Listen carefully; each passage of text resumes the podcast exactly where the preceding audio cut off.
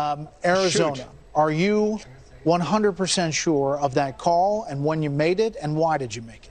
Absolutely. We made it after basically a half hour of debating is it time yet because it was it's it's been clear for a while that the former vice president is in in the lead in Arizona and was most likely to to win the state. It has been in the category that we call knowable but not callable for about an hour. Um, we finally called it. Right now, um, yes, there are some outstanding votes in Arizona.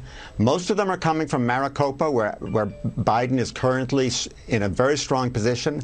And many of them are mail in votes, where we know from our Fox News voter analysis Biden has an advantage. We don't know exactly how many mail in votes there are, but what I think we've heard from the White House is that um, they are expecting to get that they need just to get 61% of the outstanding vote, and they'll and there are 870,000 outstanding votes, and they'll be getting that. That's not true. Uh, the reality is that they're likely to get only about 44% of the outstanding votes that are, there. We're right now sitting on a race that is um, Biden at 53%, Trump at 46%. I'm sorry, the president is not going to be able to take over and win enough votes to eliminate that seven point lead that the former vice president has. Ja, I'm sorry, het spijt me. Dat is wat er op Fox News werd gezegd nadat de zender bekend maakte dat Arizona naar Joe Biden zou gaan en hij daarmee president werd en Trump de verkiezingen zou hebben verloren. En dat ene fragment heeft alles te maken met de situatie waarin de zender nu zit, namelijk dat het mogelijk anderhalf miljard dollar schadevergoeding moet betalen aan Dominion Voting Systems, de fabrikant van heel veel stemmachines. Fox News zit op meerdere fronten diep en diep en diep in de problemen. Ja, en daarvoor moeten we dus terug naar het fragment wat we net hoorden. Daarin hoorde je Brett Bayer, een van de presentatoren van die verkiezingsavond bij Fox News eh, eh, eh, destijds. Sowieso een hele bekende presentator van Fox. de vraag stellen, hè, hoe weet je dit nou zeker? En dat, die vraag stelde hij aan Arnon Mishkin. Dat is de directeur van de Fox News Decision Desk. Je moet je voorstellen, van Rupert Murdoch, de eigenaar van Fox News, is ook bekend dat een van de leukste dingen van het hebben van die nieuwszender, vindt hij, is het organiseren van die verkiezingsavonden. En tegenwoordig duren die verkiezingsavonden in Amerika eh, dagen, omdat het gewoon heel onduidelijk is wie er wint. Eh, en dan is, er een hele mooie, glimmende, eh, gloednieuwe studio opgetuigd met, met de beste presentatoren, de beste analytici. Dat zijn dan zeg maar de ene helft van de, dat is de ene helft van het sterrenensemble. De andere helft, dat is het team van de Decision Desk. En daar is deze man directeur voor, van. Eh, en de Decision Desk, eh, dat is het team van data nerds dat ergens in een stoffig keldertje zit. En dat op basis van alle stemmen die eh, binnenkomen in de verschillende staten, allerlei modellen hebben. En op basis daarvan kunnen voorspellen op basis van welke stemmen er waar vandaan tot nu binnen zijn gekomen, welke staat naar welke kandidaat gaat. Dus er zijn maar een paar eh, duizend stemmen soms binnengekomen, maar als die uit bepaalde eh, gebieden komt en het overeenkomt met bepaalde patronen, kunnen ze al heel snel zeggen, oké, die staat kleurt rood en gaat naar Donald Trump, of die staat kleurt blauw en die gaat naar Joe Biden. In dit geval eh, waren er al miljoenen stemmen uitgebracht, ook in Arizona, ik geloof ruim anderhalf of 2 miljoen, eh 2,5 miljoen stemmen in totaal al aan de beide kandidaten. Eh 75% van de stemmen in Arizona was binnen. Dus daar hadden ze er veel meer voor nodig, omdat het gewoon heel spannend was. Maar ondanks dat het heel spannend is en 75% van de stemmen geteld is, een kwart van de stemmen dus nog niet, kan die decision desk zeggen: we wijzen de verkiezingen toe aan Joe Bi- hè, de, de, de staat Arizona, die wijzen we toe aan Joe Biden. En ja, dat is opvallend, omdat het natuurlijk Fox News was, de pro-Trump-zender, die dat notabene als eerste bekend maakte. En, eh, maar goed, ik, ik schrijf daar ook over in mijn boek Nieuws als Wapen. Ik leg daar uit hoe dat allemaal werkt met die decision desks en die verkiezingsavonden. Dus vind je dat nou leuk om te weten, ook hoe het achter de schermen gaat, dan heb ik dat uitgebreid in mijn boek eh, behandeld. En ik heb daar ook uitgebreid behandeld in Nieuws als Wapen, dat ja, Fox News eh, staat weliswaar bekend als de Trump-zender, maar Fox News doet ook heel veel eh, aan goede, gedegen journalistiek. Die doen heel veel aan objectieve berichtgeving. Alleen, ze hebben commentatoren in dienst die dan als columnisten, zeg maar, het nieuws vanuit een bepaalde kant eh, belichten. Het ligt iets ingewikkelder dan dat, dat leg ik in mijn boek ook uit, maar dat is een beetje kort door de bocht hoe dat daar werkt. Het werkt trouwens ook bij andere zenders zo. En eh, dan zie je dat dat gaat knellen met elkaar. Want op zo'n verkiezingsavond zijn ze ook gewoon ontzettend objectief. En kijken ze naar de cijfers en willen ze vooral het beste presteren van alle andere zenders. En het beste presteren is als eerste zijn met alle uitslagen. En Fox News was het beste, want als eerste hebben zij Arizona dus toegekend aan Joe Biden. En daarmee werd Joe Biden president. Trump vond dat raar natuurlijk. Hè. Die heeft meteen gezegd: hoe kan dat nou? Want eerst stond ik voor, hè, afgelopen dinsdag toen er verkiezingen waren. Nu is het inmiddels zaterdag. En elke dag zie ik magisch allemaal stemmen uh, van Joe Biden uh, verschijnen. Nou, dat klopt dat Trump dat zei. Het, het, enige wat niet klopt is dat dat magisch zou zijn. Het zijn namelijk gewoon staten waarin de stemmen die per post zijn uitgebracht later zijn geteld. Nou, en die gingen in alle in, in grote meerderheid naar Joe Biden. Ook dat is niet toevallig, want Joe Biden heeft mensen opgeroepen om per post te stemmen. En Trump zei: doe dat vooral niet. Dus uh, zo magisch is dat allemaal niet. Maar goed, dat heeft natuurlijk wel geleid tot het begin van the big lie, zoals de Democraten dat noemen, dat die verkiezingen niet eerlijk zijn verlopen. En we, zien, we horen in dat fragment ook de presentator duidelijk vragen: Weet je dit wel zeker? Hoe zit dat? En de, de, de directeur van de Decision Desk die zegt: Ja. Sorry, maar dit zijn gewoon de feiten. En dat was dus op die verkiezingsavond het geval. Op die verkiezingsdagen moet ik zeggen. Want normaal het duurde dagen voordat duidelijk was wie uiteindelijk de verkiezingen zou winnen. Ehm, maar daarna zag je bij Fox News toch een kentering in de berichtgeving. En ook dat heb ik uitgebreid in mijn boek Nieuws als Wapen uh, beschreven. Dus wil je nou uh, meer daarover weten, over alles wat ik in deze podcast uh, vertel, bestel dan vooral Nieuws als Wapen. De reden dat ik er nu weer over begin, is omdat Fox News daarvoor mogelijk flink in de buidel moet tasten. Daar kom ik zo op. Eerst nog even terug naar die kentering. Veel kijkers van Fox News waren natuurlijk teleurgesteld in de zender. Want ja, zij weten dat ze wel naar een pro-Trump zender kijken, een pro-Republikeinse zender.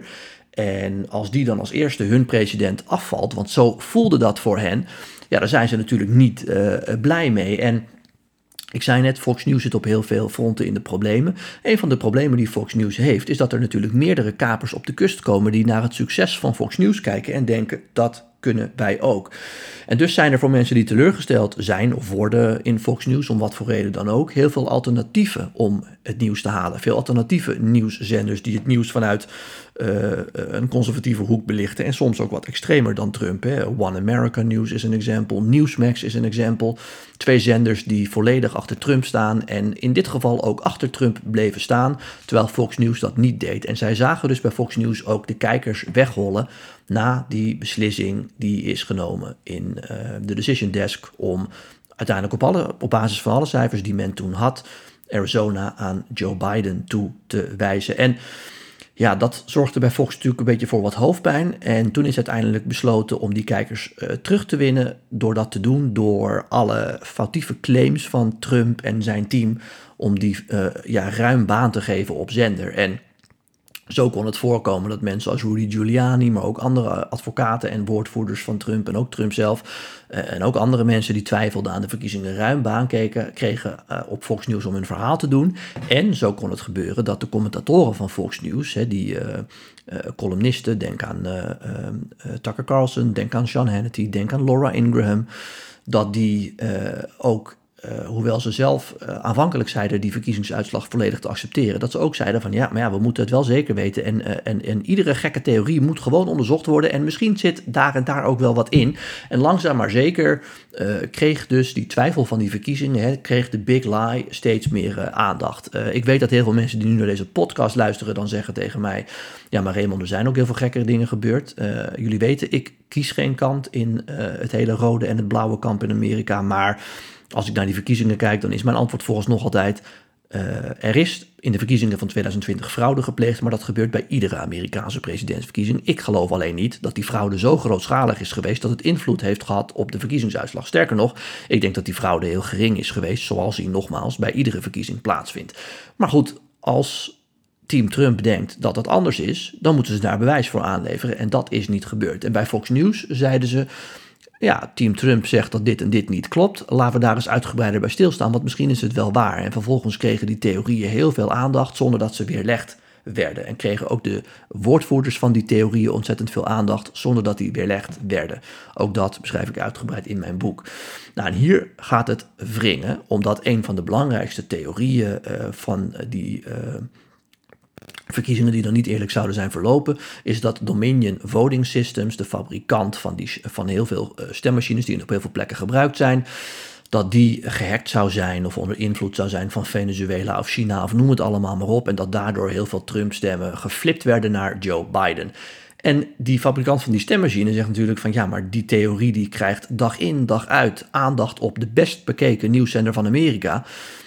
Onze goede naam wordt te grabbel gegooid, daar moeten we wat aan doen. En die is een rechtszaak aangespannen, die eisen anderhalf miljard, 1,6 miljard dollar van Fox News. En die rechtszaak van Dominion Voting Systems tegen Fox News was deze week weer groot in het nieuws, want de uh, New York Times, maar ook andere media, die hebben beslag weten te leggen op documenten die onderdeel uitmaken van die rechtszaak. En die documenten, dat zijn tekstberichten, sms'jes van Fox News medewerkers en presentatoren die ja, tegenover elkaar, hè, richting elkaar zeggen dat ze inderdaad al die gekke theorieën ook gekke theorieën vinden. Maar ondertussen hebben ze daar wel dus heel veel aandacht aan besteed.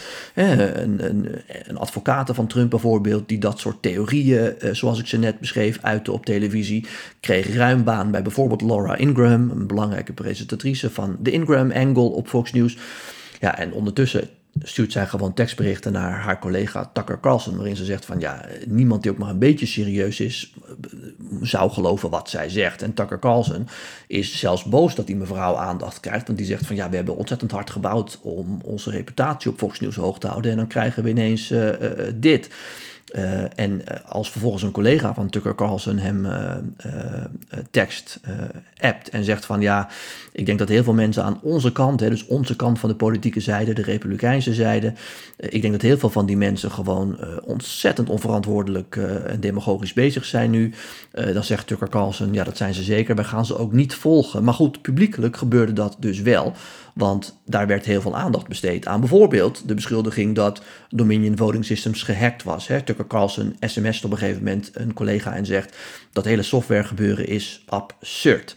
En dan zegt zijn collega, ja, ik denk ook niet dat er enig bewijs voor uh, voter fraud is, wat de verkiezingen een andere kant op heeft gestuurd. Maar goed, nogmaals, op televisie kreeg dat heel veel aandacht. Hè. De belangrijkste advocaten van Trump, Sidney Powell, uh, een dame die allerlei theorieën te bedden bracht, onder andere over Dominion Voting Systems, zonder die te bewijzen. Ja, daarvan zegt Tucker Carlson ook in een tekstbericht, Sidney Powell die liegt. En dan zegt iemand anders van ja, volgens mij uh, is ze helemaal niet goed bij haar hoofd. En dan zegt Tucker Carlson, ja, ja, het is echt een zootje. En dat zijn allemaal uh, tekstberichten die heen en weer gaan. Die mevrouw wordt ook een, een nutcase genoemd, hè, een volslagen idioot.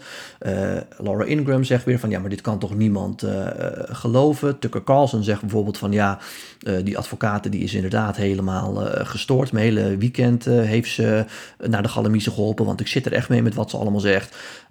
ik, ik heb echt geprobeerd een, contact op te nemen met het Witte Huis om haar te dumpen, om te zeggen dat ze zij niet bij hen hoort. Maar goed, daar heeft hij dan eh, geen antwoord op gekregen.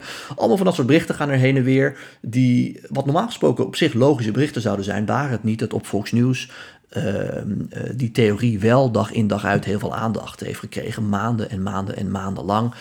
En uh, het laatste nieuws is dat Rupert Murdoch, die gehoord is in die hele rechtszaak, ook heeft gezegd dat hij inderdaad ook niet dacht dat het allemaal waar was, al die theorieën. Maar wat zegt Rupert Murdoch? Wat zeggen die presentatoren? Wat zeggen die medewerkers? Wat zegt Fox News?